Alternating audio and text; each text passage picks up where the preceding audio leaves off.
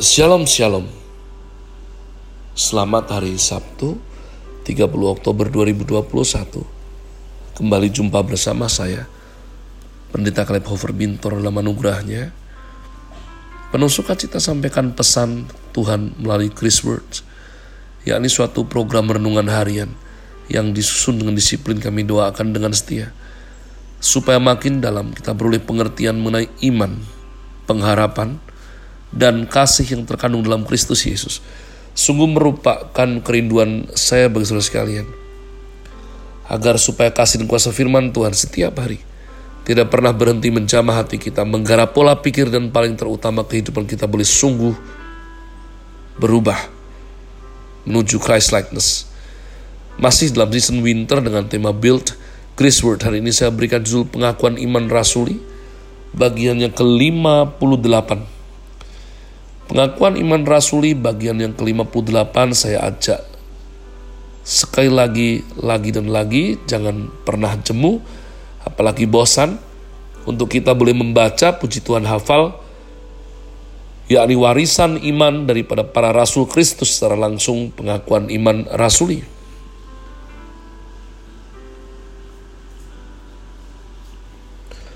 Aku percaya kepada Allah, Bapa yang Maha Kuasa, Khalik langit dan bumi. Aku percaya kepada Yesus Kristus anaknya yang tunggal Tuhan kita, yang dikandung dari roh kudus lahir dari anak darah Maria, yang menderita sengsara di bawah pemerintahan Pontius Pilatus, disalibkan, mati dan dikuburkan, turun dalam kerajaan maut. Pada hari yang ketiga bangkit pula dari antara orang mati, naik ke sorga, duduk di sebelah kanan Allah, Bapa yang Maha Kuasa, dan dari sana ia akan datang untuk menghakimi orang yang hidup dan yang mati. Aku percaya kepada roh kudus, gereja yang kudus dan am, persekutuan orang kudus, pengampunan dosa, kebangkitan orang mati dan hidup yang kekal. Amin. Ketika kita belajar dan masuk ke istilah yang ketiga yakni tunggal, hal tersebut berarti Tuhan Yesus memiliki kedudukan yang terunik sama seperti Roh Kudus memiliki kedudukan yang terunik. Satu-satunya anak tidak dicipta dan tunggal, yakni Yesus. Roh Kudus pun tidak berbagian dalam status ini. Roh Kudus tidak dicipta, tidak dilahirkan, tetapi keluar dari Allah. Roh Kudus dari dalam diri Allah. Roh Kudus adalah pribadi ketiga yang sendirinya juga adalah Allah. Memiliki esensi ilahi, tidak dicipta, tidak dilahirkan, tetapi keluar dari Bapa dan Anak, maka disebut Roh Allah. Roh Kudus keluar dari Kristus sehingga disebut Roh Kristus. Barang siapa tidak memiliki Roh Kristus, ia bukan milik Kristus. Dengan demikian, Tuhan Yesus menjamin kita memiliki status dalam dirinya. Karena melalui Roh Kudus melahirbarukan dan memperanakkan kita, barulah kita disebut anak-anak Allah. Tuhan Yesus dilahirkan Allah secara pribadi, ya satu-satunya, tunggal. Tetapi kita dilahirkan melalui roh yang diberikan Kristus kepada kita. Sehingga kita mendapat kelahiran roh kudus, bukan langsung dilahirkan Bapa. Yesus anak kelahiran Allah yang tunggal. Anak memiliki hidup yang sama. Kelahiran bukan dicipta. Tunggal berarti tidak ada bandingnya. Roh Kudus keluar dari Allah Bapa dan Allah Anak. Tuhan Yesus lahir menjadi manusia untuk menebus dosa manusia, menjadi perantara, pengantara. Yesus memakai istilah Allah agar para muridnya mengerti bahwa ia bukan manusia biasa. Dan barang siapa yang ikut aku harus memakan dagingku, minum darahku, jika tidak, tidak ada hidup kekal di dalamnya. Kalimat ini sungguh sulit diterima logika manusia, sulit dicerna secara ide dan rasio manusia maka Tuhan Yesus dibunuh. Tuhan Yesus adalah manusia paling paradoks di dalam sejarah. Filsuf Denmark salah satu seorang favorit saya, Soren Abi Kierkegaard berkata, beliau adalah satu-satunya pribadi paradoks yang berhasil.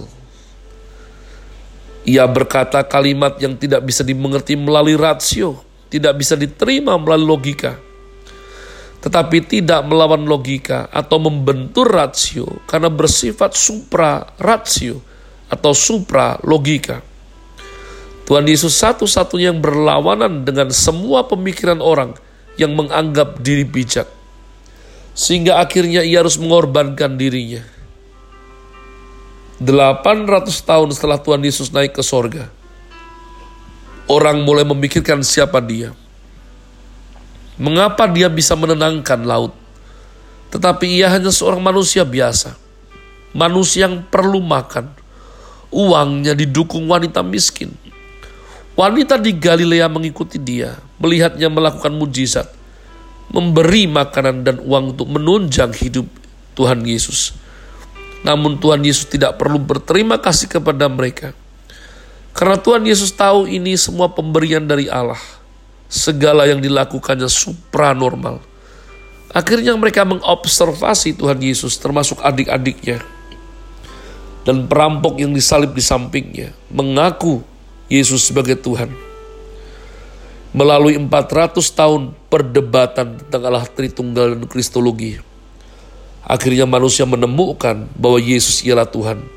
Dan ini dicantumkan dalam pengakuan iman rasuli hingga 750 tahun kemudian.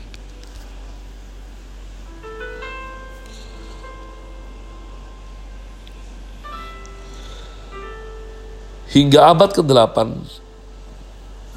baru lengkap menjadi pengakuan iman rasuli yang sempurna. Tetapi di dalamnya banyak kalimat yang dianggap kalimat gila. Saya percaya Allah menjelma menjadi manusia. Percaya orang ini tidak ada dosanya. Percaya ia mati mengganti dosa kita.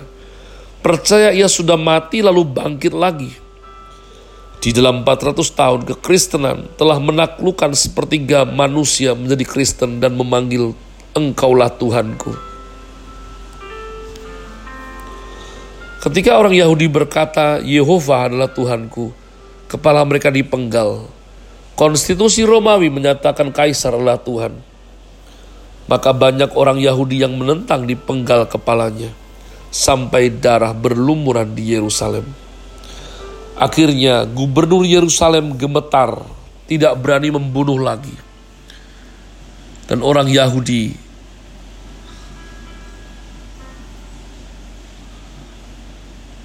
di Yerusalem dan Yudea boleh memanggil Yehova sebagai Tuhan dan tidak usah memanggil kaisar sebagai Tuhan.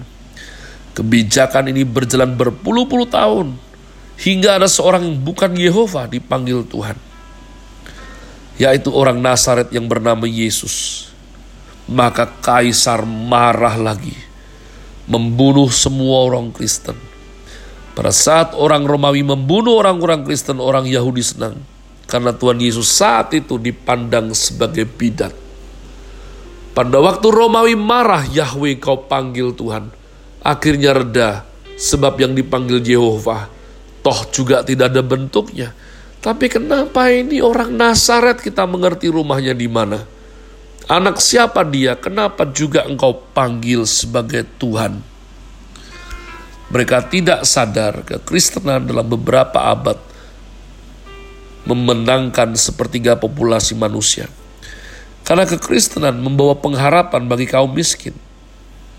Saat itu kekristenan memberitakan bahwa baik tuan maupun budak, baik kaya maupun miskin, baik pria maupun wanita, baik Yahudi maupun bukan Yahudi, semua mempunyai derajat yang sama di hadapan Allah. Sampai akhir abad keempat, Agustinus, salah seorang bapak gereja yang pemikirannya paling tajam dalam sejarah, menulis on the Trinity.